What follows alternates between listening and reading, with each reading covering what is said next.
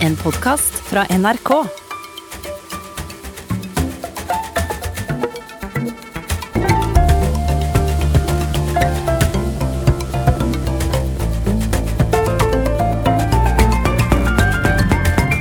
Hjertelig velkommen til denne podkasten med arbeidstittel 'Offentlig sektor for dummies'. Eh, Linn Herning, velkommen hit til studio. Tusen takk. Eh, Du er historiker, forfatter og daglig leder av Alliansen for velferdsstaten, som arbeider for å opprettholde og videreutvikle velferdsordninger nasjonalt og en politikk for å utjevne økonomiske og sosiale forskjeller internasjonalt. Ja. Det er riktig, det. Ja, det er helt riktig. Og hva slags, hva slags allianse? Er dere aktivister, eller er dere forskere, eller hva er det dere driver med der? Nei, altså dette her er en allianse som ble etablert i 1999. Eh, og den ble på en måte etablert som en respons på den utviklinga vi skal snakke om i dag. Altså Ja. privatisering og ting som skjer i offentlig sektor. Eh, og så er det i hovedsak så er det eh, fagforbund, altså fagforeninger, som, som har gått sammen. Og på det tidspunktet så fikk man også med seg kommuner, forskjellige forskjellige andre typer organisasjoner. Og i dag så er det da Vi har fem forbund som finansierer, og så har vi en del flere forbund som er medlemmer. Og så har vi også eh, Pensjonistforbundet og eh, Bonde- og Småbrukarlaget som sitter i styret. Så det sier litt om hvilken type organisasjoner det er, da. Ja, men du er der på en måte som en fagperson som eh, holder i trådene. Jeg er der som, eh, som daglig leder. Ja. Daglig leder. Og, og, men og hva gjør du da til daglig? Hva, er du, hva, hva, det, hvordan, hva består arbeidsdagen din av? Eh, den består en del av eh, å skrive og tenke. Er det en slags Altså- tenketank på toppen, helt på toppen av Ja, alliansene? altså, vi er litt opptatt av å si at vi ikke er en tenketank, oh, ja. fordi vi er ikke helt frittstående. Altså, tenketanker er veldig opptatt av at de er frittstående. Eh, vi er sekretariatet til en allianse, og det betyr at vi jobber innenfor de rammene som står i vårt formål, og som styret setter. Eh, men vi har ganske bredt mandat. Vi skal jo jobbe eh, mot prioritering, mot markedsretting og mot nedbygging av velferdsstaten. Mm. Så så lenge vi på en måte holder oss innenfor det, så får vi gjøre en del av de tingene vi vil, og de tingene vi mener at er viktige. Og så øh, holder vi ganske mye foredrag rundt omkring. En del av det vi jobber med, er jo å øh, skolere i de organisasjonene som er medlem hos oss, særlig fagbevegelsen. Mm. Så jeg har vært øh, veldig mye rundt og holdt foredrag i forskjellige deler av særlig offentlig sektor. da, Ja. Folk som jobber der. Blir folk oppjaga da? Er det, er det hallelujastemning? det er- Det er veldig forskjellig. Eh, Det kommer jo litt an på hva man snakker om. Ganske ofte så, så oppfatter jeg at eh, de setter pris på at det kommer noen med et litt eh, utenforblikk og ser på det som de står i. Eh, Og jeg har jo for eksempel jobba mye med privatisering. Eh, Og når du jobber i en, eh, for eksempel i et privatisert sykehjem, så er det ikke sikkert at du eh, kan alle strukturene og forstår all, hvordan selskapet er organisert. Nei. Men det kan jeg. Ja. Og da kommer vi, og så snakker jeg om det, og så snakker de om hvordan det er der. Ja. Og, og hva, slags, hva slags bakgrunn har du? Du er historiker, er det sånn? Ja, jeg har jo en litt sånn blanda Blindern-bakgrunn. Ja. Eh, litt eh, fransk og utviklingsstudier og forskjellig sånt, men ja. jeg syns det ble litt rotete. Det bør man ha i bånn. Ja, det bør man ha i bånn. Men For å vise at man har levd der oppe. eh, Ja, eller at man har eh, tatt Blindern-livet på alvor, da. Ikke sant? Mm. Men eh, Nei, og så tok jeg en master i historie, da, Fordi da hadde jeg lyst til å lære meg et fag. Ja. Uh, og det satte jeg jo pris på. Ja, det, det var lurt. Jeg hørte at det er lurt, sa mora mi til meg òg, men jeg gjorde ikke noe med det. Uh, så uh, dere er jo da, Altså, du er jo en, er du en sosialist, liksom? Er du det? Selv? Personlig overbevist? Jeg ser at jeg er trygt plassert på venstresida. Nina Skåtøy-ish, liksom? Eller? Nei, jeg har litt, litt problemer med de begrepene og tingene som er der. Ja. Eh, Men eh, jeg er veldig trygg på den plattformen som vi har, da, som er på en måte å jobbe mot eh, markedsliberalismen. Ja, og jeg, jeg har jo da invitert deg hit i dag fordi jeg gjerne vil snakke om noe som heter New Public Management. Og det er et tema som har blitt foreslått av flere av lytterne av denne podkasten. Altså, hvem skulle trodd? Og det er da et tema som jeg knapt nok visste eksisterte, for å være helt ærlig. Men idet jeg fylte 40 år, så ble et helt spesielt gen aktivert i mitt DNA, nemlig genet som styrer interessen for organisering av offentlig sektor. For det er ikke bare én måte å gjøre det på.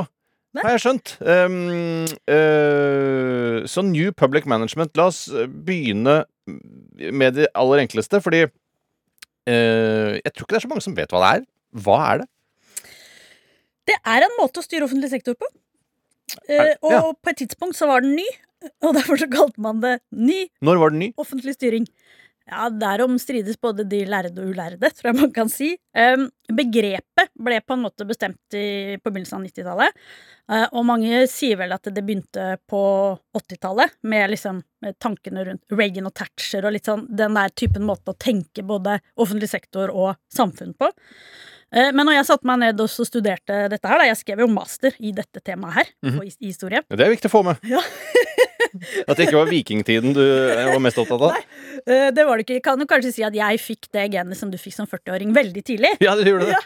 Men jeg sier jo ofte at jeg er en gammel mann inni meg, så det er ikke så overraskende. Ja. Men eh, eh, da begynte da daterte jeg liksom første New Public Management-skritt til 1973. Ok. Så det er litt forskjellig hva man ser på det, og det er jo et begrep som eh, alle er enige om at det er et dårlig begrep. Er alle enige om det? Ja, det tror jeg. Ja. Men veldig, eller mange vil mene at det er det beste vi har. Nettopp. Så i valget mellom alle ånder så er dette det beste. Akkurat som demokrati. De sier det samme om det òg.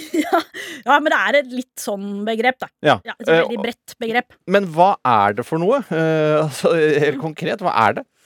Nei, altså, eh, Siden man har kalt det en ny offentlig styring, så var det jo da eh, en, måte, en annen, ny, annen måte å tenke på. ikke sant? Mm. Det som er hovedtanken, er at offentlig sektor bør tenke mer som privat sektor. Ja. Det er på en måte hovedtanken. Ja. Eh, og så er det masse forskjellige måter å gjøre det på, undergreier og sånn, men, men hovedtanken er at vi må introdusere det, de eh, Altså for å effektivisere i offentlig sektor, for det var jo en hovedtanke, da, at man måtte drive offentlig sektor billigere. Eh, så måtte man se på hvordan man gjorde det i privat sektor. Ja. Eh, og det som man jo egentlig tenker da, er at man skal eh, innføre ulike former for konkurranse og ulike former for organisering som, som om det var private bedrifter. Så, altså da er en liksom en, en kundeaktig og en leverandøraktig, liksom?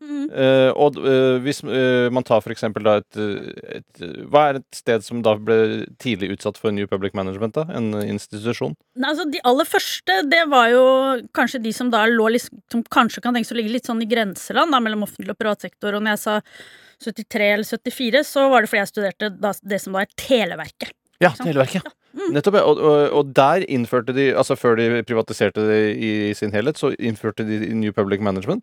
Nei, altså Det første de gjorde, det var at de, de henta De skulle jo på en måte tenke nytt, og da henta de kompetanse utenfra. Og da de Da var det veldig viktig å hente inn folk med erfaring fra privat sektor. Ja. Uh, og det som vi nå ofte kaller for konsulenter. ikke sant? Det er mange som sier at det er for mye konsulenter som skal bestemme og sånn. Ja. Uh, det starta man med veldig tidlig i, i den sektoren, da. Ja. Og så kommer de da, sant? så tar de da disse ideene sine. Ikke sant? Som kommer fra privatsektor. Sånn, ok, vi må organisere oss mer som en bedrift, Ja. for eksempel.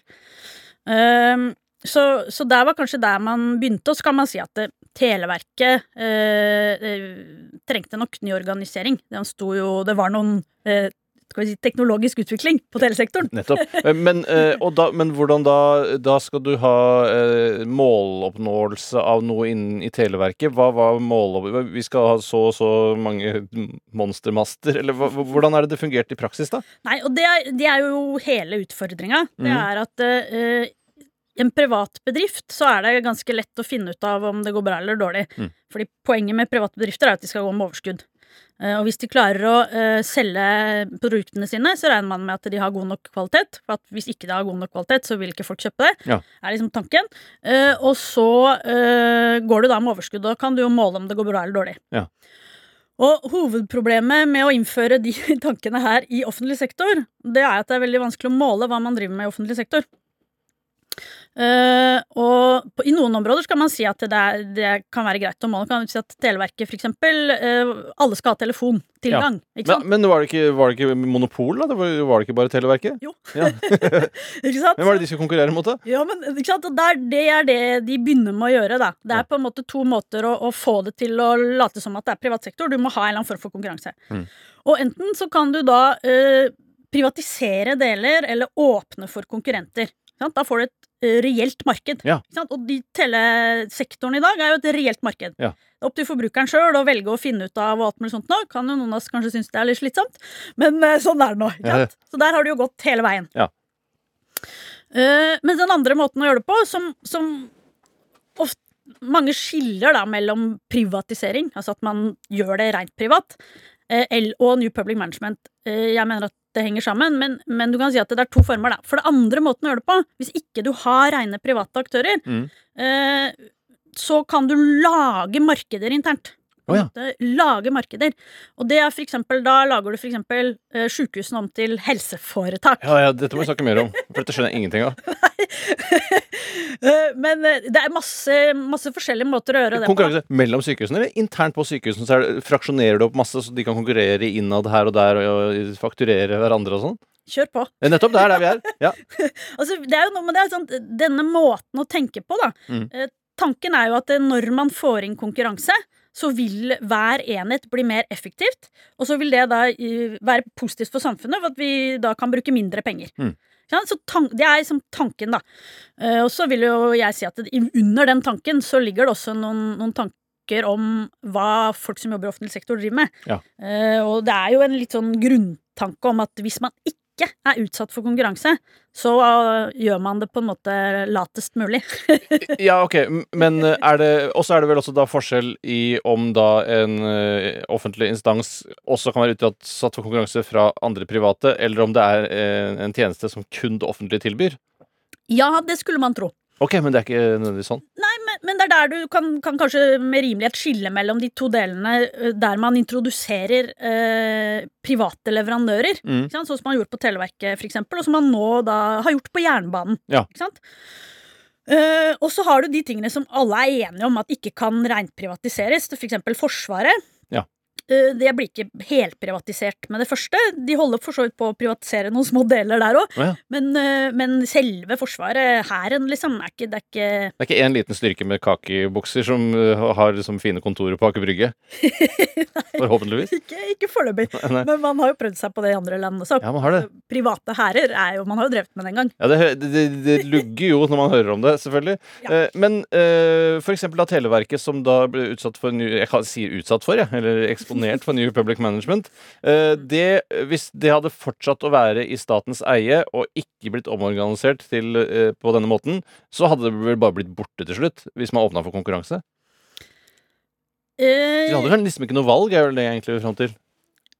Nei, Altså, jeg eh, At man må omstille og eh, tilpasse seg sin tid, er helt åpenbart. Eh, og Televerket, som jo har gjennomgått en vanvittig teknologisk revolusjon, uh, må jo ha en annen organisering enn det de hadde på 70-tallet. Det er ganske åpenbart. det var kordfløyelsbukser og beina Ja, altså, på det bordet. er jo, jeg, men det som er interessant, det er at det selv om det kan være argumenter for å organisere på denne måten, for det er jo poenget, det fins jo andre måter å gjøre det på, i noen sektorer, og jeg tror kanskje at telesektoren er kanskje av de sektorene som, som da har eh, har gjennomgått størst teknologisk revolusjon. Da. Mm. Men det som var interessant når jeg da så altså det jeg gjorde i min masteroppgave, at jeg sammenligna utviklinga i Televerket med jernbanen og med uh, elektrisitetsforsyninga. Ja. Uh, og du kan si at det var jo en enorm teknologisk utvikling uh, innenfor Televerket. Eh, ikke så mye på jernbanen. Den er ganske lik fortsatt. Ja. Men det som er interessant, er at de brukte jo akkurat de samme argumentene for å innføre akkurat de samme endringene på jernbanen Ja. som i Televerket. Og det er noe av problemet med, eh, med denne måten å tenke på. Det er at man tenker at alt skal styres likt, som om det var en privat bedrift. Og I dag så er jo Telenor en privat bedrift. Mm. Eh, og da er det jo rimelig at Og det konkurrerer jo i det, nei, i det private markedet, og da må man jo tenke som en bedrift. Ja. Eh, men spørsmålet er eh, hvor langt inn i offentlig sektor skal vi ha denne måten å tenke på? Og jeg tror jo at det er behov for forskjellige, litt forskjellige måter å styre på i litt forskjellige sektorer.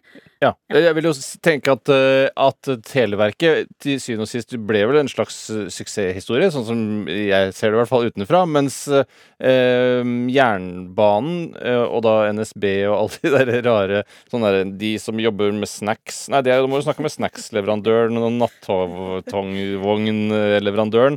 Der har det, har det fungert ganske bra der, eller er det, ut fra hva man hører i media, så virker det som en, en katastrofe? Jeg mener at det har fungert utrolig dårlig på jernbanen. Ja. Eh, og en sånn interessant forskjell også mellom Televerket og jernbanen, det er jo at det, en av de tingene som veldig få vet om Telenor, da, det er at Telenor har jo på en måte brutt med en av eh, hovedtankene innenfor New Public Management. For da skal man liksom skille infrastruktur og eh, tjenester. Ja. Og der har du det som vi jo en del av oss kjenner fra, fra jernbanen. Altså du har banen Først da, så hadde du Bane Nor, så Ja. hadde du NSB.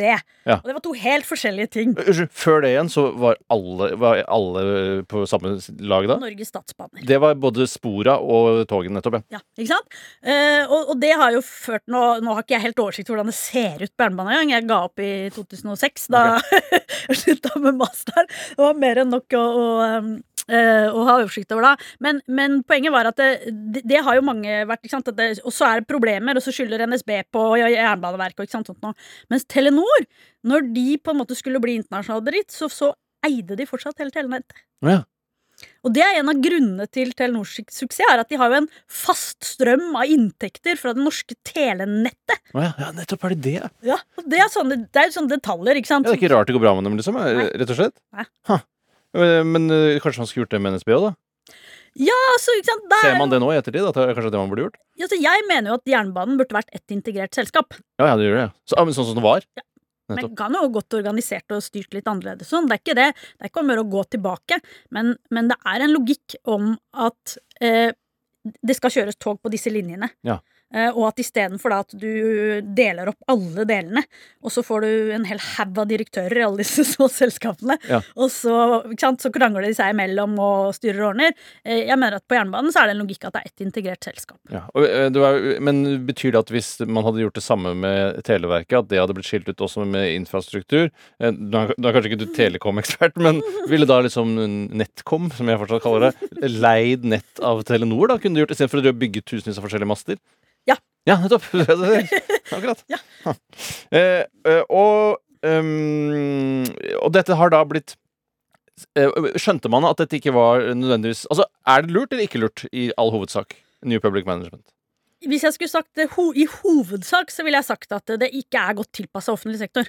Eh, og så er telesektoren, som nå har snakka en del om, er jo kanskje den som ligner mest på privatsektor. Ja. eh, mm, hva som havner i offentlig sektor, og hva som havner i privatsektor, eh, er jo noen ganger litt tilfeldig, og noen ganger helt åpenbart. Som vi snakka om eh, Forsvaret. Eh, for oss er det helt åpenbart at det skal være offentlig. Mm. Eh, samme med Nav. ikke sant? Det, det er ikke, du privatiserer ikke Nav med det første. Eh, mens det er en del mer sånn grenseland. ikke sant? Altså Staten eier jo også masse bedrifter som konkurrerer helt vanlig Ja. i det private markedet.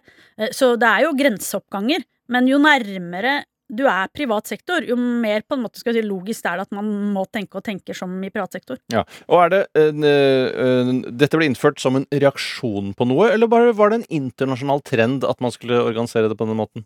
Nei, det er jo en, eh, det er jo en internasjonal trend, eh, og, og New Public Management-begrepet stammer jo fra England.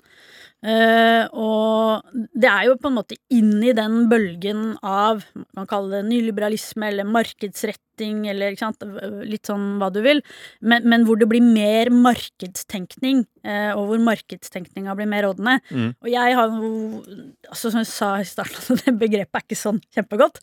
Eh, jeg kaller det vel mer og mer markedsretting av offentlig sektor. Ja, nettopp. Mm. Måtte man, Var man liksom i beit for måter å gjøre det på i offentlig sektor? Gikk det dårlig med offentlig sektor før dette kom? Eller var det dårlig organisert før dette kom? Ja, altså ja og nei. Eh, jeg tror nok at som jeg sa, at man må nok eh, oppdatere seg hele veien og, og, få, og liksom tenke gjennom hvordan man organiserer seg og, og sånn. Og du kan nok kanskje si at deler av offentlig sektor var litt tilstivna. Ja. Eh, det, det tror jeg nok det er, det er argumenter for. Mm, men man måtte jo ikke innføre den her måten å tenke på. Eh, altså Det hadde kanskje blitt eh, litt for sånn toppstyrt, da. Ja. Det var behov for å få inn eh, Men man kunne jo tenkt seg en, at man heller skulle inkludert brukerne mer, eller de ansatte mer, altså en mer demokratisering. Eh, og istedenfor så valgte man en markedsretting. Men det var, var som, sånn hvem var som bestemte dette? ja. Nei, altså, det er jo veldig Unnskyld, Slo det ned som en bombe, eller har det blitt implementert små ting hele veien? Er det liksom en, Kjøper man en pakke? Kommer det liksom en sånn kit? NPM-kit, når man bestemmer seg? Ja, altså det fins jo på en måte et slags, eh, et slags kit da, Ja. av masse virkemidler om hvordan introdusere konkurranse i offentlig sektor. Mm. Eh, men så kommer det jo altså Ideene er internasjonale, og de er særlig knytta til De var kanskje særlig knytta til England og New Zealand, som var liksom de som dro opp i gang først og mest og sånn. Men uh, hvordan Det er også litt Altså, ideene var der, og de ble sterkere og, og sånn, men hvordan man faktisk implementerte det, uh, det varierer veldig fra sektor til sektor. Ja. Så, altså, begynte man liksom kanskje da med de sektorene som lå nærmest det private, eller som man ønsket at skulle på en måte være inn i det private. Og så er det jo veldig forskjellig, fordi at i noen sektorer så var det veldig stor motstand. Og i noen sektorer så har du f.eks. en sterk fagbevegelse. Og jeg vil jo si at en av grunnene til at det tok litt lang tid i Norge, og at vi tok, måtte ta liksom små skritt i Norge, det var at vi hadde en godt organisert fagbevegelse Ja. som sa dette her vil ikke vi være med på, vi vet hvor dette her går hen. Vi vet at det havner, deler av det kommer til å havne i privatisering. De hadde jo veldig rett i det. Ja. Eh, mens i, hvis du ser i England, da, så skjer jo dette her, en del dette her helt parallelt med at Margaret Thatcher knuser fagbevegelsen. Ja, ja ikke sant? Ja, så det er, jo, det er jo en del sammenhenger her. Eh, og så er det jo en diskusjon. Ikke sant? Eh, mange statsvitere mente jo at Norge hadde innført lite eh, New Public Management fordi vi hadde liten grad av privatisering sammenligna med, med England, for eksempel. Da. Ja. Uh, og det er jo riktig. Ja, så det funka kanskje på en måte også litt bedre her enn i England, da? Du- Ja, det ble moderert, da. Det tror jeg absolutt at man kan si at det har jo det har blitt moderert. Og derfor så har det jo tatt uh, lengre tid, da, kan du si, å, å innføre det her. Mm. Så hvis du ser, la oss si du ser på tu, to, tu, altså millenniumsskiftet, liksom, Mm. uh, så vil jeg nok si at da hadde det kommet mye lenger i, i en del andre land enn det hadde i Norge. Og at i Norge i mindre grad har hatt privatiseringsdelen, altså det reelle markedet, men da kanskje i større grad har fått dette her et tullemarkedet. Eller kvasimarkedet, eh, som for eksempel helseforetak er en, et eksempel på, da, som de holder på å styre med og ordner med i Nav og ja. Men det er jo eh, her i NRK, eh, som er vel en sånn eh, kvasistatlig institusjon, eh, kan man kanskje kalle det, så har vi jo eh, åpenbart innført et eller annet lignende. Jeg vet ikke hvordan det var på Erik Bye sin tid. Han bare bestemte hva han ville lage, og så, og så bare lagde han det. Men nå er det jo sånn ja, det er en, et ledd som bestemmer hva som skal på TV, og så er det et ledd som lager det som skal på TV. Og da er det liksom har man høflige møter med hverandre. Bare 'vi har laget dette, og så kan dette komme på TV?' eh, I den kanalen som vi begge jobber i. Um, så det, det er jo på en måte Men jeg syns det er en ganske fin ordning også. Hvorfor er det en så dårlig idé, syns du? Nei, altså det, Hvor skal det, det begynne, si? ja, nei, det som du beskriver der, er jo det som man kaller bestiller og utfører. Ja, det er akkurat det vi kaller det. Ja. um, nei, altså du beskriver det jo som ganske friksjonsfritt. Uh, og hvis det er det, så er jo det bra. Uh, jeg har jo en far som har jobba 40 år i NRK, uh, så jeg har jo hørt noen andre ting av disse omstillingene man holdt på med her på huset òg. Ja. Han var ikke så omstillingsvillig som vi unge, kanskje. Like intelligent. Men, men det, ikke sant, det er det jeg sier. Det kan jo hende at det passer her, da. Mm. Men så har du bestiller-utfører på andre. Du har eksempel bestiller-utfører på hjemmetjenester. Ja. Og da eh, får du jo det Altså, jeg mener at hovedproblemet veldig ofte er at du skal på en måte kvantifisere noe. Mm. Hvis du skal ha en bestiller og en utfører, så i en del tilfeller så må jo på en måte bestilleren vite hva den skal bestille. Og det kan man jo det kan man jo ofte bestillerkompetanse. Og det blir veldig ja, men det er en sånn dag. Ja, det er en sånn dag! Det har invitert meg til å snakke Ja, om det. dette her. Det kommer ikke unna en del sånne ting. Nei, men ikke sant, da sitter det jo noen på bestillerenheten på hjemmetjenesten og skal bestille hjemmetjenester. Og de jobber i kommunen, eller? Ja, ikke sant? Alle, alle jobber jo i kommunen. Ja, ok. Eh, eh, Eller ikke helt alle, for nå har man jo begynt å, å privatisere deler av, eh, av hjemmetjenestene også. Bestillerleddet også? Nei, ikke bestillerleddet. Det er- Bestillerleddet, det er, det Det er offentlig, ja. Ja, det er offentlig. Nei, og da må du jo på en måte uh, tidfeste ting da, i veldig stor grad. Og da har man jo endt opp med det som man kalte for stoppeklokkeomsorg. Ja. Ikke sant? At det, eh, ok, denne, denne personen da må bestille kontoret, vurdere hvilken hjelp den skal ha, og den trenger kanskje da hjelp til å sette på støttestrømpe, eller hjelp til ikke sant, ditten og datten sånt noe, så må de tidfeste det, og så skal da de som kommer dit, de skal utføre det, og da skal de utføre det, og ikke noe annet. Nei. Ikke da Er ikke det bra, da? ja, altså jeg tenker at jo nærmere du er behandling av mennesker, jo dårligere funker det. Ja, ikke sant? Fordi at eh, mennesker er mer enn bare en fot som du skal feste sokken på. Eh, og derfor så Det er jo en, sånn, det er jo en glidende overgang her, men jo nærmere du er Jeg er særlig kritisk til at jo nærmere du er mennesker, Mm. jo dårligere funker standardisering, da. Ja, ok. At, eh, at du skal bruke så og så lang tid på, på det og det. Uh, og det ser man jo veldig godt når man er i kontakt med disse tjenestene. Uh, jeg har jo sjøl vært mye, i kontakt med dem. Du har fått en ny nyre. Jeg har fått en ny nyre! Gratulerer, det glemte jeg å si. Ja! Ja, Da har du vært i kontakt. Og, hvordan, og da var, du, fikk du NPM uh, rett i fleisen, rett og slett? Hvordan føltes det da å være på den siden? Nei, altså Jeg har jo på en måte Altså, jeg har fått ny nyre før, så jeg har vært eh, nyre, kan man si, nyresjuk, nyrefrisk hele livet. Eller siden jeg var liten. Eh, så jeg har vært i kontakt med helsevesenet hele veien. Eh, men det ble jo ganske har vært intensivt da, de to siste årene. Både helsevesenet og Nav. Eh, fordi når man er, når man er sjuk, så har man jo også behov for hjelp fra Nav, da. Eh, nei, og da ser man jo en del av disse tingene veldig godt, og, og ja, det, det er jo liksom Altså, man kan tenke når man tenker liksom fra utenfra, da, at, det er lett, at noen ting er lett å standardisere. Jeg kan ta et, uh, et sånn eksempel som, som er, er liksom litt viktig for meg, da. Uh, og det er jo så Jeg tar jo utrolig mye blodprøver. Ja. Og det skal man tenke at det er en sånn ting som Du tar blodprøve, ferdig med det. Mm. Eh, men jeg eh, var veldig mye på sykehus som barn, og har veldig problemer med å ta blodprøver. Ja. Jeg har helt, jeg har helt rasjonelt forhold til det. Jeg vet akkurat hvor lite farlig det er å ta blodprøver, men jeg kan få helt panikk. Og det vil si at når jeg kommer inn til den som skal ta blodprøver, så må jeg sette meg ned Nei, først må jeg lukke døra. Så må jeg sette meg ned, og så må jeg si til den personen at jeg syns dette er veldig redd. Jeg er veldig redd. Eh, nei, du trenger ikke å forklare til meg at ikke det er farlig. Jeg har holdt på med dette i, i 30 år. Blodprøve-OCD, rett og slett? ja, på Ja. en måte. Jeg har litt slags posttraumatisk blodprøvestress. ja. Eh, så, så det kan ta veldig lang tid å få tatt blodprøver av meg. Ja. Eh, ikke sant? Og hvis du da skal tenke at den personen skal bruke fire minutter, Ja.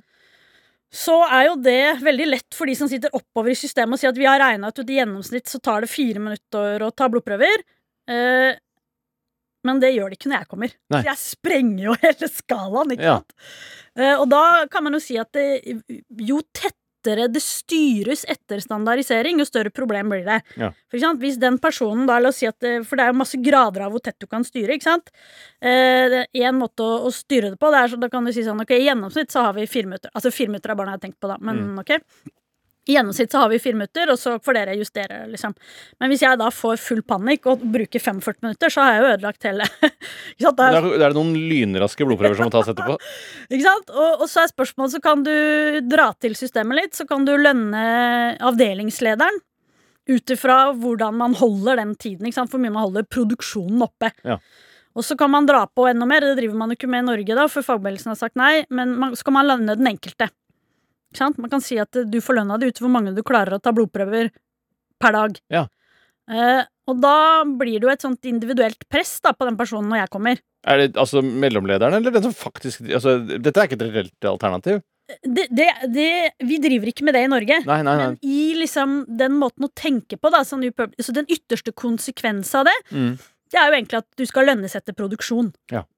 Eh, og da eh, mener jeg at du får et stort problem, da. Selv med noe som man Hvis man sitter langt unna, så kan man tenke at blodprøver er en veldig standardisert oppgave. er veldig lett å standardisere.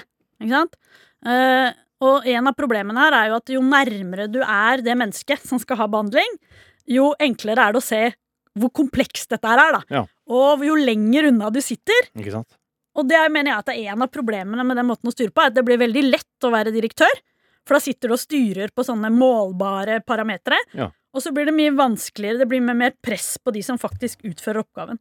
Men er du eh, da og dine kumpaner i For velferdsstaten, har dere klekket ut noen annen måte å løse blodprøvetagningssystemet på? Bare for å ta det som et isolert tilfelle? Nei, men altså eh, det, Nå overdrev jeg på en måte på hvor, hvordan det kan rendyrkes. Og i Norge så har vi jo en sånn blanding. Da. Det er ingen sykepleiere som lønnesetter hvor mange blodprøver de tar. det, vi er ikke der i det hele tatt. Men, men du kan si at eh, når man tenker på den måten her, da, så får du jo masse andre, andre problemstillinger oppover. Og jeg Uh, altså En annen måte å styre sykehusene på enn det som nå altså Nå har du delvis det som kalles for stykkprisfinansiering. Ja, ta, bare dra meg kjapt gjennom hvordan eh, sykehusene er organisert og helseforetak og sånne ting. Hvis det går an å gjøre kjapt. Uh, ja, kjapt. eh, jeg, skal, jeg kan prøve. Ja, eller effektivt, i hvert fall. Jo, men kjapt. Trenger ikke være så kjapt. Det trenger ikke være så høy kvalitet, bare veldig fort. Ja, ikke Ja, sant? ikke sant? Fordi, ja, nei, jeg skal ikke gå på det. Nei, nei, altså, det viktigste er hva resultatet blir her. Ikke hva Ja, nei, altså um, For det første så er jo sykehusene da ikke lenger sykehus, men helseforetak. Det er en butikk. Ja, altså noe må man jo si at det, det ordet signaliserer. Ja, det er, er det også Hvor mange sånne butikker er det i Norge? Ja, det er jo da regionale helseforetak, og så er det de enkelte altså helseforetaksenheter, på en måte, sykehusene. Ok, Så Ullevål sykehus, det er en enhet? Nei, I- Ullevål sykehus er en del av Oslo universitetssykehus. Akkurat. Ja. men det er én butikk? Oslo Eh, universitetssykehus. ja, Ja. ja. Og så er jo da underenheter under der. Ja. Hvordan kan du styre eh, sykehuset som en butikk? Hvem er det, eh, Hva eh, er det de kjøper, og av hvem? Ja, det, nå er vi jo inne på problemet. Altså, øh, øh, Sykehusene i Norge i dag de er delvis finansiert over rammefinansiering. Mhm. Sånn det er liksom at øh, politikerne sier sånn Her har dere denne rammen, eller denne sekken med penger. den må dere bruke fornuftig. Ikke sant?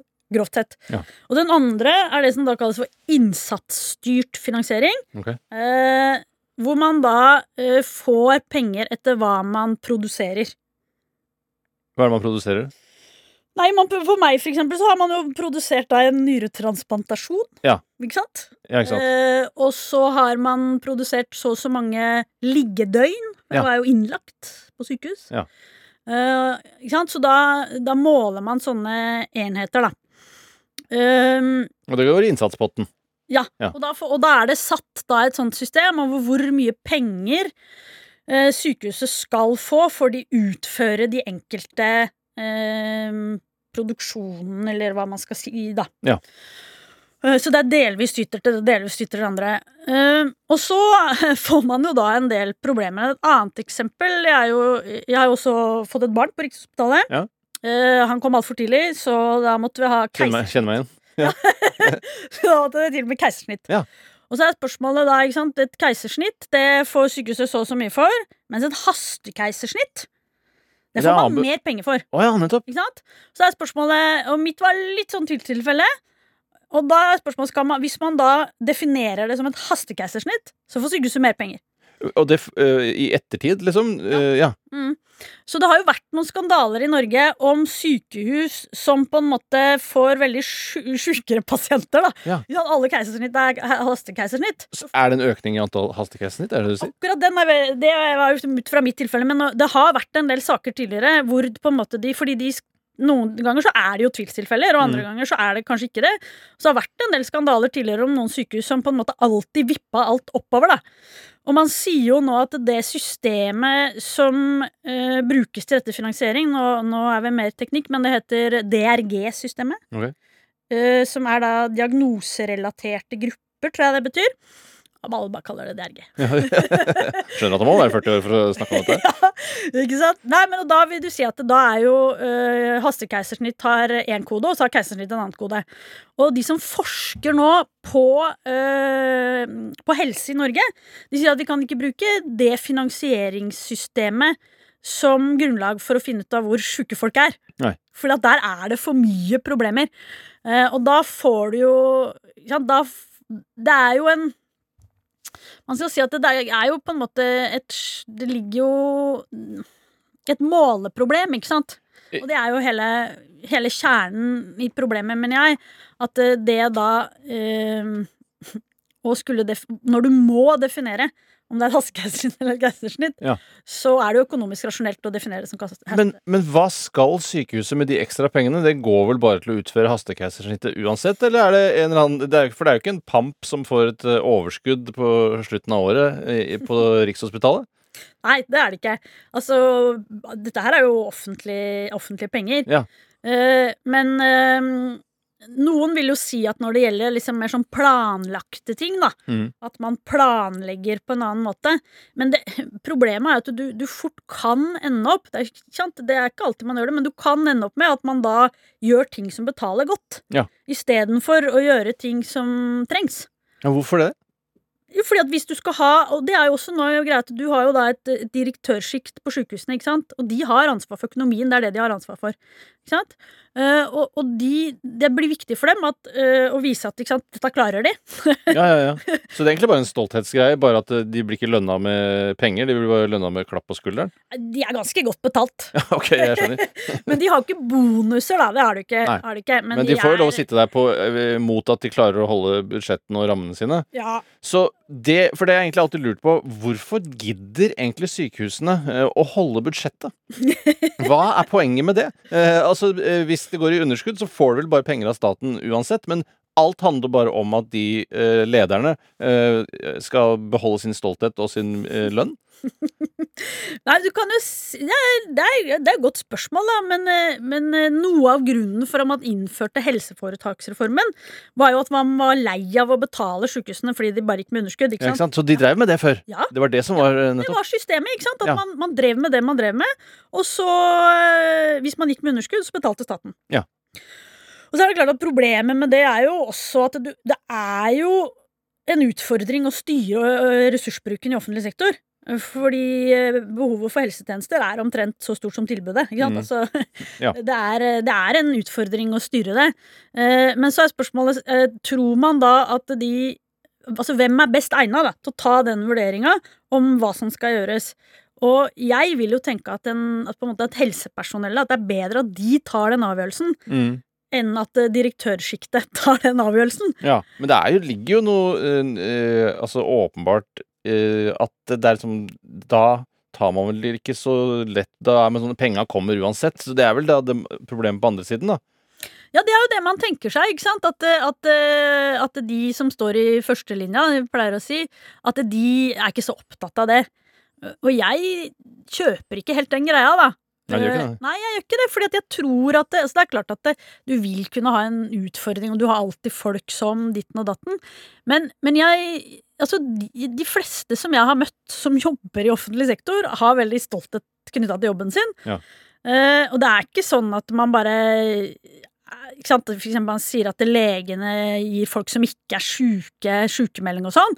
Det tror jeg er veldig få tilfeller i, Ja. i forhold til de, at folk faktisk er sjuke. Ja, det er et akseptabelt svinn, føler du det, på de eh, områdene der? Ja, altså, da tror jeg heller at man skulle tatt tak i det hvis det, ikke sant? Hvis det er et sykehus som plutselig liksom har enormt, så må man jo heller ta tak i det konkret. Det tror jeg, da. Ja. At det er en bedre, bedre måte å, å ordne det på. Ja. Uh, fordi at uh, jeg har ikke så tro på Altså, de, de, de fleste som jobber offentlig har også en forståelse av at det er skattepenger. Ja.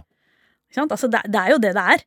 Eh, og jeg tror ikke altså det svinnet vi har på, på en måte overforbruk da, av helsetjenester, Mm. er veldig lite kontra det svinnet vi har eksempel i skattesnylteri, og det er andre problemer å ta tak i her, som Ja. man lager òg.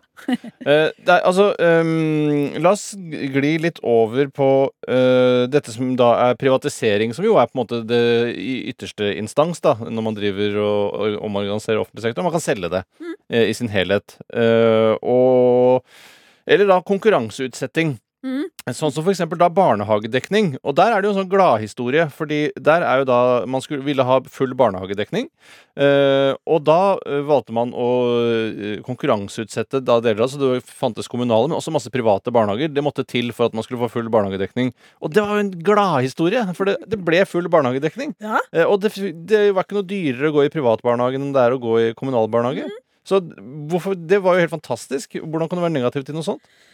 Nei, altså, jeg pleier å bruke et bilde. ikke sant? Dette her ble bestemt uh, først av en avtale mellom SV og Frp. Ja, tenk på det. Det er jo litt artig. Ja, det er litt koselig. Det fins et sånt bilde av Siv Jensen og Kristin Halvorsen hvor de har ganske lik klipp. og Ja, for det er ikke så ulike, de to utseendemessig. Kjempestort glis. Og så er jo på en måte de tingene du nevner, full barnehagedekning og makspris, det var det SV fikk gjennomslag for. Ja. Og så er spørsmålet hvorfor gliser Siv Jensen? Ja. For Frp må jo også ha fått gjennomslag for noe. Fordi i makspris og full barnehagedekning så fikk jo SV gjennomslag for at staten skulle bruke masse penger på dette her. Og Frp er jo for mindre offentlig bruk. Men det Frp fikk gjennomslag for, det var ikke bare at private barnehager skulle få lov til å være med å bygge ut, men at rene kommersielle barnehager skulle få være med. Ja. Fordi på 90-tallet så var det sånn øh, Vi kan godt ha private barnehager, men hvis du har barnehage med det de da kalte for forretningsmessig formål, altså hvis formålet er å tjene penger, Ja, da er det et aksjeselskap på en måte versus en øh, stiftelse eller noe sånt, da. ja, for eksempel, eh, så har du ikke rett på statlig støtte. Hva var utgangspunktet. Ja. Og så eh, Det Frp fikk gjennomslag det var, slag for, det var at når man, staten skulle bruke masse penger, så skulle de rene kommersielle aktørene få være med på det. Ja. Og så er jo fortellinga blitt at man kunne ikke klart seg uten disse aktørene. Og jeg mener at eh, man valgte å bruke de aktørene. Og det er noe annet enn at man ikke kunne klart det. Ja. Fordi penga ble, var det jo på en måte SV som fikk gjennomslag for. Ja. Eh, og så var det hvilk, hvem som skulle være med å bygge. Det var det Siv Jensen fikk gjennomslag for. Ja. Og så kan man godt si også at eh, ja, man trengte kanskje hjelp av private til å bygge barnehager. Eh, men det å drive barnehager, det kunne det offentlige ha klart helt fint sjøl. Eller man hadde fått hatt andre former for eh, for private eiere, da. Men gjør det noe om de private driver det, da? Hva er, det så, hva er problemet med det? Ja, altså Problemet Det er flere problemer, da. Det ene er ikke sånn rent prinsipielt standpunkt, da, som man jo kan være enig med eller uenig med. Jeg mener at når, når staten bruker penger på velferdstjenester, eh, så bør alle de pengene gå til velferdstjenester, og ikke til at noen blir rike. Og det er jo på en måte bygd opp ganske enorme rikdommer på skattefinansierte barnehager. Og Ja, er det det? ja da. Ja. Altså, hvis du ser, Jeg er jo blitt en ivrig leser av Kapital sin liste over Norges rikeste og sånne type ting. Ja. For å følge med annet på barnehageselskapene. da. Ja. Uh, og, og flere av de store barnehageselskapene ligger nå på, på lista over Norges 500 største selskaper. Hvordan klarer de å skvise så mye penger ut av det? Jeg, forstår, jeg forstår, du har jo skrevet en hel bok om dette, uh, som heter 'Velferdsprofitørene'. uh, som handler da i veldig stor grad om disse som driver de private barnehagene. Og det er, eh, det er jo helt sjukt mye penger de klarer å dra inn. Eh, men, men hvordan er det de får til det, da? Nei, altså Er det helt liksom Får de ikke mat? Er det, er det utebarnehager, eller hvordan funker det? Nei, altså du kan si at den, eh, den Det er to ting de har Når du liksom virkelig har fått store summer, da. Det ene er jo at de da fikk masse penger fra staten til å bygge barnehager, og så sitter de på eiendom. Ja, så De eier det Ja. grunnen som, som barnehagen står på. Ja, og, og bygget. Ja. Og alle veit jo at eiendom i Norge, det er verdt mye penger. Ja. Så det er den ene, ene delen av det. Ehm, Og da ordna staten det for dem, og så, og så kjøpte de det? Mm. Ja. Ja, nei, altså de fikk, penger, de fikk penger, og de fikk billige lån gjennom Husbanken. Ja. Og i mange tilfeller så fikk de også gratis tomt Ja, gjorde de det? fra kommunen. Herregud, for en tid.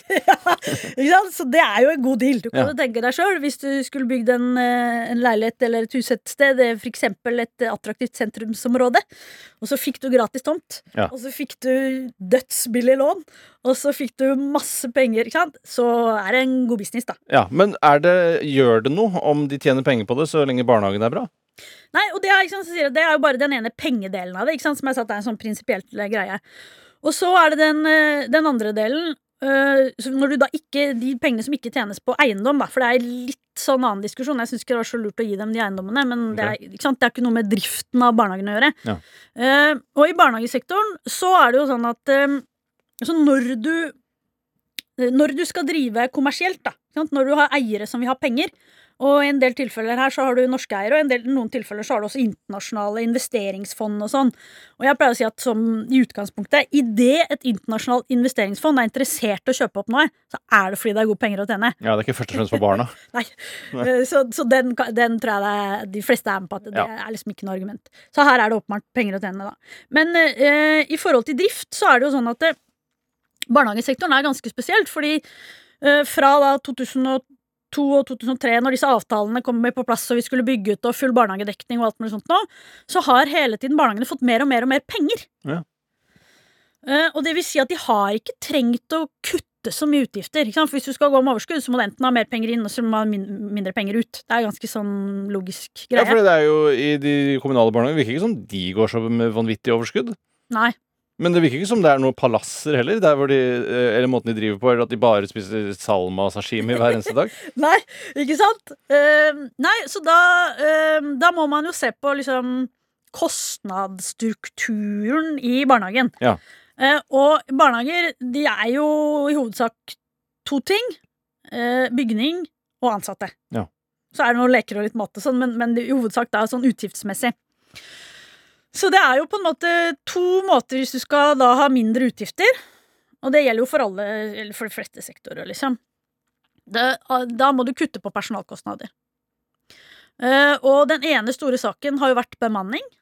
Det er klart at Hvis du har litt lavere bemanning og samme antall unger, så blir det litt mer overskudd. Er ikke det regulert hvor mange voksne det må være per barn, da? Jo, men det, ak det har akkurat kommet nå. Så har det kommet Ja. en bemanningsnorm før. Og det er også sånn som folk ikke veit. Ikke Nei, sant? er- har ikke det vært noen regel på det? Det var, Først så var det ja, jeg vet ikke, Det var kan godt hende ikke det var regulert i det hele tatt. Det vil jeg tro på et eller annet tidspunkt. Og så kom det en pedagognorm. Ja. Altså at man skal ha så og så mange barnehagelærere.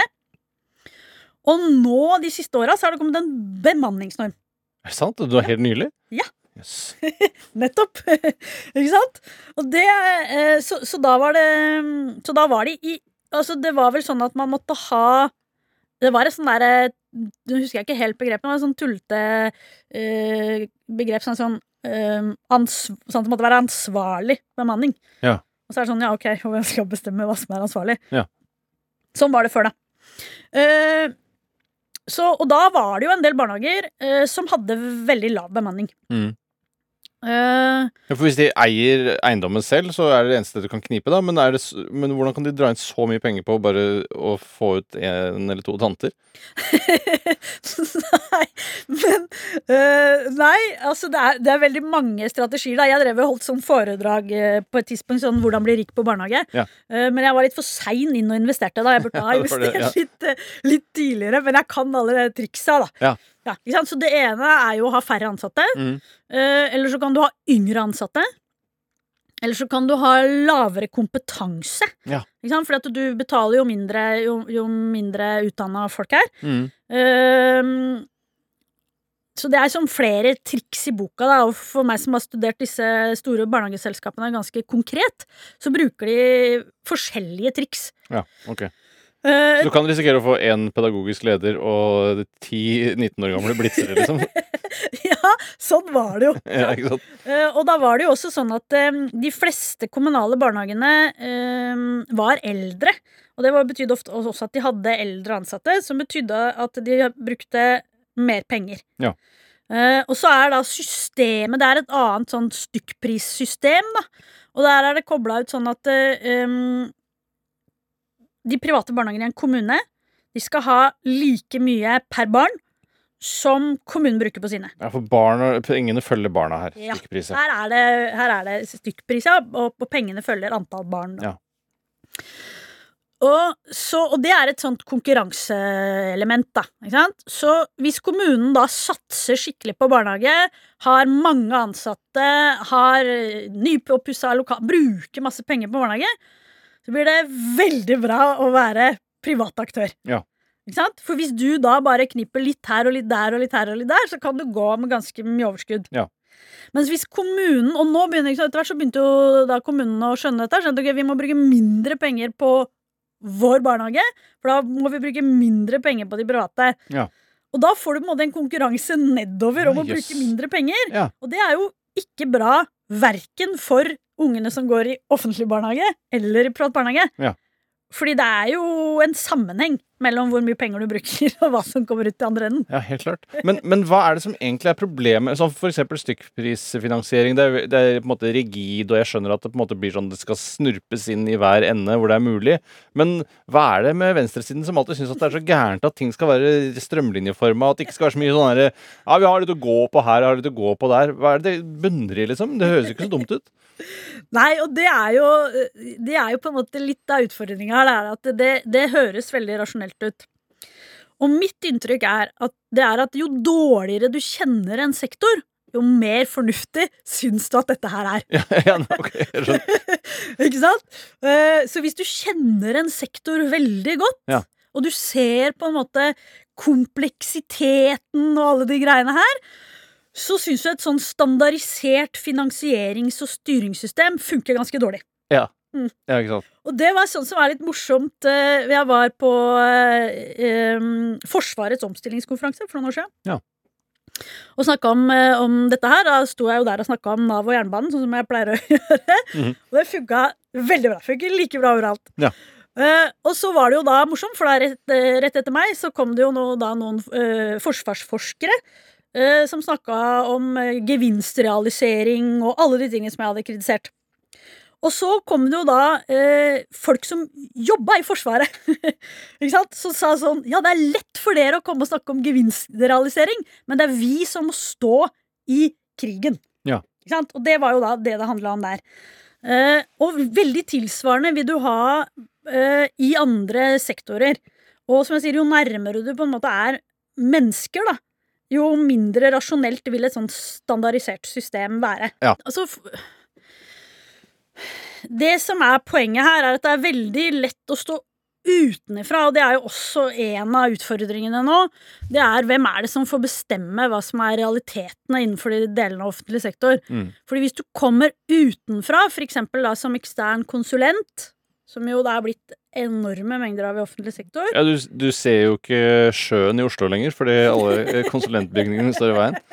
ja. Nei, så er det veldig lett ikke sant, å sette seg med, ned med et regneark. Uh, og så sier man at uh, ja, men hvis man drar ned litt på det her, hvis man gjør litt sånn Og det man veldig ofte gjør da uh, Nå ikke jeg, nå har jeg gått litt bort fra Forsvaret generelt, nei, spesifikt, og litt mer sånn generelt. Det Mm. er at man, man driver med, med noe som kalles for benchmarking. Ja. Som da er en form for sammenligning. Uh, og det brukte man når man skulle slå sammen da, sykehusene i Oslo, eksempel, som da gjorde at vi da ikke har Ullevål sykehus, men Oslo universitetssykehus. Selvfølgelig. Ja, og da fikk man jo, og sånn driver man med veldig mye, og det man gjorde da, det var at man eh, fikk McKinsey, da, som er et sånt konsulentfirma, til å, å finne ut det som da var eh, det som ofte kalles da, det er forskjellige begrep, men gevinstrealisering, eller eh, gevinstrealiseringspotensialet. Mm. Det er hvor mye penger man kan tjene på å gjøre denne, dette grepet. Ja. Og da får man alltid sykt mye penger, da. For det man gjorde på, på sykehusene, var at man sammenligna uh, ulike enheter på ulike sykehus i Norge, og så slo man sammen alle som var gjort billigst. Ja. Og så sa man så billig kan man gjøre det. Ja. Så benchmarken var ikke eh, eh, gjennomsnittet, det var det billigste? Ja. Ja. Ja, Så da slo man sammen alt det billigste. Og så sa man hvis eh, det nye Oslo universitetssykehus gjør alt på billigste måte, så er det så mye penger å tjene. Og det var, eh, jeg tror de sa 600-900 millioner, og så går det jo med milliarder underskudd. Ja. Så det er jo sånt som man holder på veldig mye, da. Ikke når du, når du, når du står på utsida, så er det veldig lett å, å, å, å se på det som om du bare kan gjøre det billigste hele veien. Ja. Og så er det jo det store spørsmålet, som, som disse konsulentene aldri klarer. Det er jo øh, Ja, men hva med kvaliteten? Ja. Sant? For alle er jo enige om at vi skal bruke minst mulig penger på offentlig sektor. Eller sånn at Mm. vi trenger å bruke mer penger enn nødvendig. Eh, men det man veldig ofte gjør, er at man sier sånn eh, Vi forutsetter at kvaliteten opprettholdes. Ja. Og det er jo deilig å si. Ja, det er jo, eh, som jeg har skjønt eh, Hvis man har lyst til å lese positive ting om New Public Management, så går man bare på civita.no. Det er i hvert fall det jeg har gjort. Mhm. Og der er det jo blant annet ting, ting De tar ganske mye selvkritikk. De er også enig i at det, det er ikke perfekt, eh, mm. men det er kanskje det beste vi har. Eh, men da er det blant annet det der når man vekter pris, da går det helt til helvete. Mhm. Eh, som for eksempel da når de skulle eh, konkurranseutsette da søppeltømminga i Oslo. Vei Reno-skandalen, som det ble hetende. Da hadde pris veldig mye å si! Og da var det noen opportunister som så sitt snitt, og det, jeg husker jo mange søppelberg det lå rundt omkring. Eh, så eh, altså, for å bare oppsummere litt her, da. Det er ikke noe god idé. Alle er egentlig enige om det, men det er egentlig Det fins ikke, noe- i hvert fall ikke en, en annen standard som kan erstatte det, som er bedre, som vi vet om. For da hadde vi sannsynligvis gått for det. Eh, ja, altså Det som er på en måte de som, de som støtter det styr, Det som er nå sitt, sin store fordel, er at de har ser sånn organiserer vi det, og her er det noen små ting som vi kan justere på. Mm. Uh, men for oss da som er kritisk til hvordan det organiseres nå, så er jo en av tingene vi er kritisk til, er jo at de har én modell for alle sektorer. Ja. Uh, og da er jo ikke vårt alternativ én modell for alle andre sektor, for alle sektorer. Sånn. Det, vil- ser- det ville vært rart, ja. Ikke sant? Så det er noe av problemet, da. Eh, Men har dere en løsning? Ja, altså- eh, altså jeg, for jeg, nå har jeg lest den der, eh, antologien 'Markedsmennesker', Mm. eh, hvor du er blant annet bidragsyter, og flere andre som da har det samme synet som deg. Og det er veldig mye kritikk av sånn det er, men jeg, jeg, klarer ikke å se noen løsninger. Nei, og det, og det, er, det, har, det er et godt poeng. At man har ikke kommet langt nok på å finne ut løsninger. Og så tror jeg at noe av problemet er at hvis man skal finne løsninger, så må man først forstå hva problemet er. Eh, Og nå, etter å ha jobba med dette i veldig mange år, Mm. så føler jeg at det, nå begynner vi å nærme oss. Jeg, jeg mener det. Ja, Ja, det Det mener det. jeg. Det mener jeg. Fordi at når jeg eh, begynte, eh, så var det på en måte en sånn teoretisk forståelse. Eh, Og det var ikke bare fordi jeg begynte i akademia, men det var på en måte Det var fortsatt teoretisk kritikk på, på venstresida. Men eh, det som vi ser nå, er at nå kan man jo også konkretisere, for nå har man jo prøvd. Mm. Fordi at når man fra venstresida sa sånn dette her er en dårlig idé, så sa de bare sånn ja, dere bare svartmaler. Det kommer Ja. til å gå kjempe Og det gjorde dere jo litt, for dere visste jo egentlig ikke hva resultatet ville bli. Selv om dere klarte jeg synes det er ganske interessant nå å lese for eksempel da når de etablerte for velferdsstaten da, i 1999, begynte i 98 og 99, så skrev de jo en plattform, og den er ganske spot on, altså. okay. Den er Om du får si det selv. Ja. Ja, jeg var ikke med å skrive den, så jeg skal ikke ta noe ansvar for det, Nei, nei. men det var ganske spot on. Ja. Uh, så, så man visste nok litt hvordan det ville gå, men det, det er jo veldig mye lettere, uh, sånn som jeg da skrev boka Velferdsprofitørene, så var jo den store fordelen jeg hadde, var jo at jeg kunne vise til konkrete selskaper. Hvor mye penger de tjente, hvem som eide de, hvordan de drev, bla, bla, bla. Mm. Istedenfor å si sånn Det kommer til å komme store multinasjonale selskaper. Og så sier Høyre seg sånn Det er bare skremselspropaganda. Ja. Ikke sant? Mens nå er de jo her. Ja.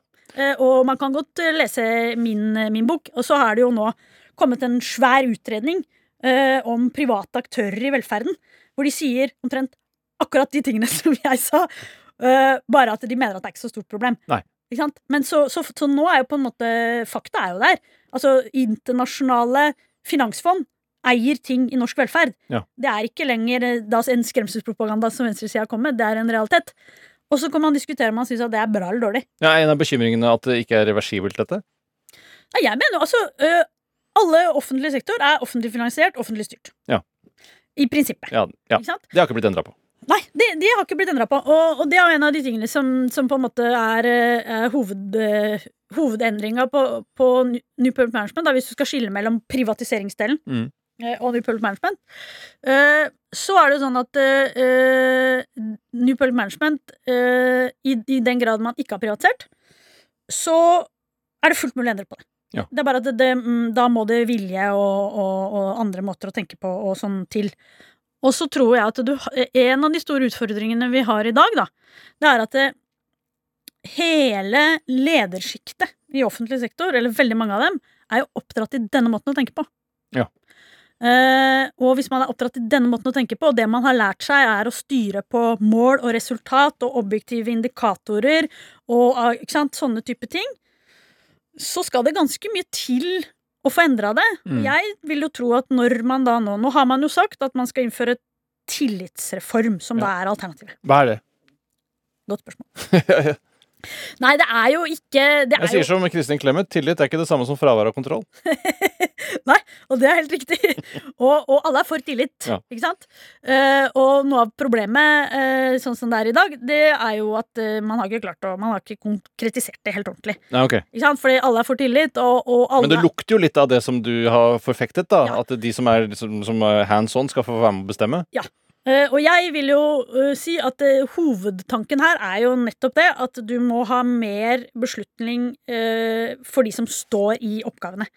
Og så er spørsmålet ok, hvordan skal du, hvordan skal du rigge det systemet. Eh, og da er det noen ting som er, eh, som er eh, enkelt å si. ikke sant? Eh, mindre stykkprisfinansiering på, Ja. sykehusene, for eksempel. Så eh, for dere i For velferdsstaten så går det på en måte nå i riktig retning, eller i hvert fall i retning av et kompromiss. Ja, altså, nå har jo jeg jobba der i drøyt ti år, da. Mm. Um, og når jeg begynte, og kanskje ikke i enda større grad når det ble etablert på slutten av 90-tallet, så var jo dette her eh, kontroversielt internt også på skal si, den breie venstresida, eller rød-grønne familie, eller hva du skal kalle det, liksom. Eh, men det er det jo ikke i dag. Nei. Ikke? Det, det, det er det jo ikke i det hele tatt. Det hele tatt Verken motstand mot privatisering av tjenester eh, eller kritikken av markedsretting av offentlig sektor. Og så, så du kan jo si at øhm, øh, før man skal komme med løsninger, så må man jo på en måte være enig om at det er et problem, da. Og så har vi vel kanskje kommet dit nå at man på den breie venstresida har blitt enig om at det er et problem. uh, og så jobber man med hvordan man skal ha løsningene. Ja. Man kan jo også si at dette var jo kanskje det området hvor den rød-grønne regjeringa gjorde minst. Ja, ikke sant? Mm. Men det er gått åtte år, så det er lov å hoppe denne gangen, kanskje. Det har vært veldig hyggelig å ha deg her. Eh, Jeg føler jeg har fått en god innføring i hva New Public Management er, og at det i det hele tatt eksisterer, som var jo nytt for meg. Det er noe jeg først har blitt interessert i etter 40. Eh, tusen takk for at du kom på besøk, eh, og lykke til videre i, med velferdsstaten. Takk for det. Du har hørt en podkast fra NRK. Hør flere podkaster og din favorittkanal i appen NRK Radio.